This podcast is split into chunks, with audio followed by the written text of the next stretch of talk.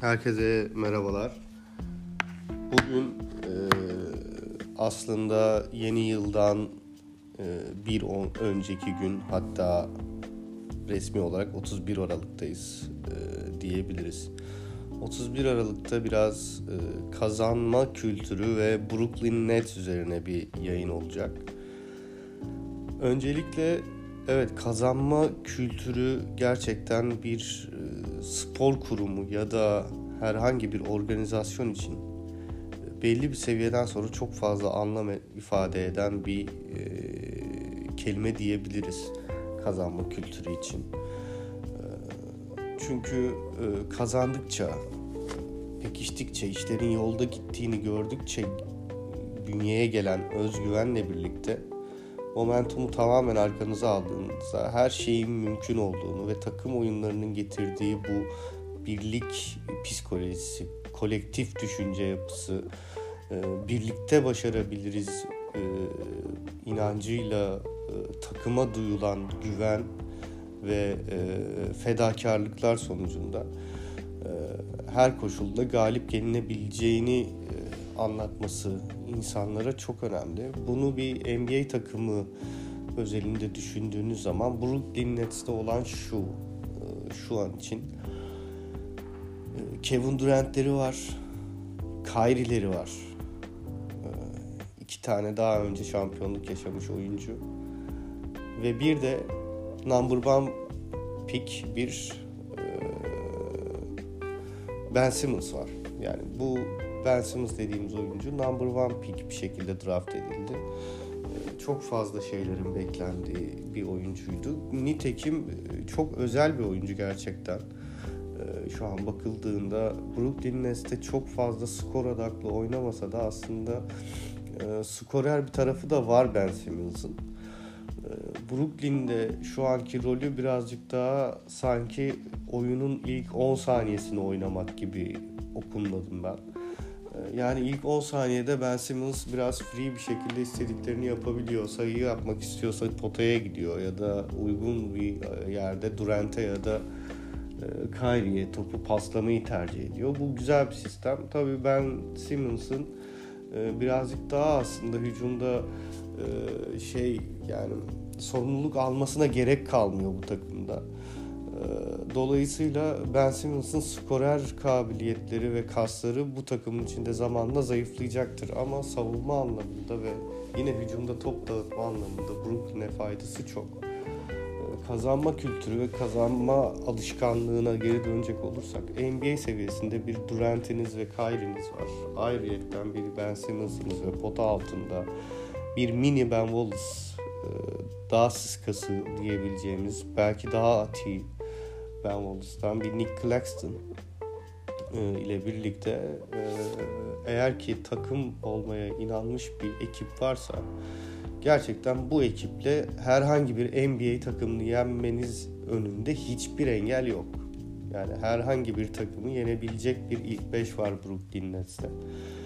Ancak maalesef Steve Nash döneminde e, Steve Nash'in oyunculara daha fazla iletişim odaklı, daha dost canlısı, daha onların bir arkadaşıymış gibi olan yaklaşımı ve teknik taraftaki açıkçası çok bilmiyorum ama takip ettiğim kaynaklara göre teknik taraftaki zayıflığı ki ben hala Steve Nash'in zayıf bir taktisyen olduğuna inanmak istemiyorum.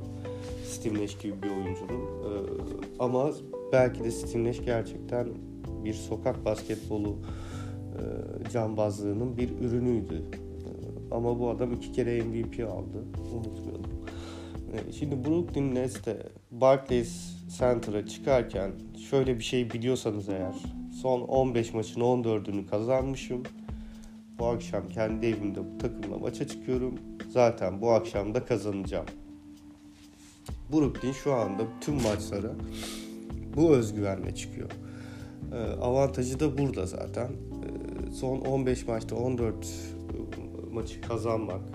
Ee, bu takımların ilk başlarda çok affedersiniz. İlk başlarda bir çoğunluğu ilk 7 dışındaki takımlarda e, konferanslarında, kendi konferanslarının ilk 7'si dışında takımlarda. Ama ben o zaman bile hiç önemli değil yeter ki kazansınlar diyordum. Çünkü e, aslında yani Brooklyn Nets için her şey çok çok çok çok iyi e, gidiyor. Bütün gezegenler Brooklyn Nets için hizaya girmiş gibi bir durum da var bir taraftan gerçekten. Çünkü üst üste bu kadar zayıf takımla oynadığınız zaman ve e, ortalama ya da biraz ortalama üstü performansla kazandığınız zaman az önce e, sizlere söylediğimi tekrar edeyim bu kazanma alışkanlığı. Maça çıkarken zaten işte son 10 maçın 9'unu kazandım. Bu akşam da kazanırım motivasyonuyla e, çıkmak maçlara apayrı bir seviyeye getiriyor momentumu.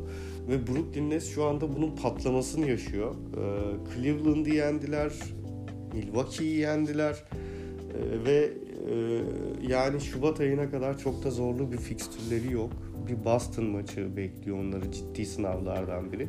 Ama Boston'a da yenilebilirsin zaten. Hatta ben Cleveland maçı ve Milwaukee maçı için bile yenilebilir. Çok da büyük bir sorun olmaz diyordum. Ama bu maçların kazanılması işte gördüğünüz gibi bir anda oyunu değiştiriyor.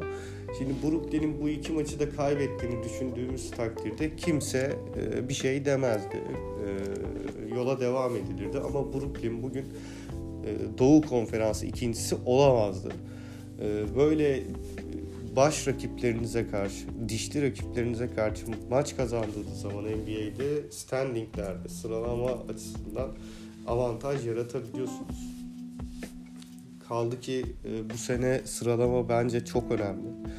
E, geçtiğimiz yıl birbirine yakın e, 7-8 takımın olduğu bir e, şey vardı. Bu yıl e, birbirine yakın 6 takımdan bahsedebiliyoruz e, Doğu'da. Bu 6 takım kimlerdir? E, Boston Celtics, Brooklyn Nets, Milwaukee Bucks, Cleveland Cavaliers, e, Chicago Bulls ve e, şu an aklıma gelmedi e, bir takım daha Miami Heat. E, evet yani ilk altı bu takım olacak gibi. O yüzden birincilik ve ikincilik çok önemli. Neredeyse Doğu yarı finaliyle başlayacaklar diyebiliriz playoff'a. O yüzden Brooklyn Nets'te, Boston'da, Milwaukee'de Yeri gelirse Cleveland'da tabii ki ilk ikiyi zorlayacaktır. Ee, ama Brooklyn bence ilk iki için gerçekten en büyük favorilerden biri. Sezon başında da düşüneceğim bu arada bu sene Brooklyn'in iş yapabileceği konusundaydı. Ee, Steve Nash değişikliği sonrası takıma yeni gelen Kan e, bu değişiklik kararının doğru olduğunu ve bana sorarsanız Brooklyn organizasyon açısından da NBA'in başarılı organizasyonlarından biri gibi duruyor. Ee, onlarca yaşanılan Kyrie skandalı, e, onlarca işte James Harden problemi, e, Kevin Durant, James Harden arasının açılması, Kyrie'nin katıldıktan sonra Harden'ın direkt takasını istemesi. Yani çok drama yaşadı Brooklyn geçen yıl. Bu yıl artık özellikle Durant'in kaybedecek yılları maalesef yok. En realist açıdan 2 ee, ya da 3 sezon daha oynayacağını düşünüyorum ben Kevin Durant'ın artık. Ee, daha fazla oynar mı bilmiyorum. Ee, dolayısıyla Kevin Durant'ın önünde 2-3 sezon var. Bu 2-3 sezondan çıkarılacak bir ya da iki şampiyonluk e, Kevin Durant'i gerçekten e, efsaneler listesine e, sokacaktır. Kevin Durant şu anda da NBA'in gelmiş geçmiş en e, komple skorerlerinden birisi. En yüksek motivasyonlu mu desem en işini yapan çıkıp 30 sayısını 35 sayısını atıp soyunma odasına giden oyuncu dediğimiz profil Kevin Durant. Bunun birazcık daha winner bir profile dönüşmesi gerekiyor. O winner'lık Golden State'te tadıldı. Hem de baskın bir şekilde tadılarak 2 yıl finaller MVP'si de alındı. Yani o iki şampiyonluk Durant'in şampiyonluğu gibi bir e, tarafı da var bu işin. Dolayısıyla Durant'in e, üzerine bence yani bir minimum bir e, en idealinde de iki şampiyonluk daha koyması gerekiyor. Bu takımla koyabilir mi? Koyabilir. Neden olmasın? Sezon daha uzun, playofflara daha belli bir süre var. Eğer ki Brooklyn bu temposunu, bu mentalite e, anlayışını e, bu momentumu koruyabilirse bu sene bir şampiyonluk çıkarmak buradan Batı'da Golden State'de bu hallere gelmişken e, hiç hayal değil. E, bence Batı'da e, rakip yok. Doğu'nun neredeyse ilk 6 takımı için Batı'da rakip yok diyebilirim. O derece rahat konuşabilirim. E, Batı'nın en ciddi rakiplerinden birisi e, olursa Memphis olur ya da Denver olur ama Batı'dan gelen takım büyük ihtimalle ilk finalini yapmış olacak takım. Ee, Doğu'dansa daha tecrübeli bir takım gelecek. Ben bu yıl şampiyonun Doğu'dan çıkacağına inanıyorum. Ee, yorumlarım şu anlık bu kadar. Çok teşekkür ediyorum. Dinlediğiniz için kendinize iyi bakın.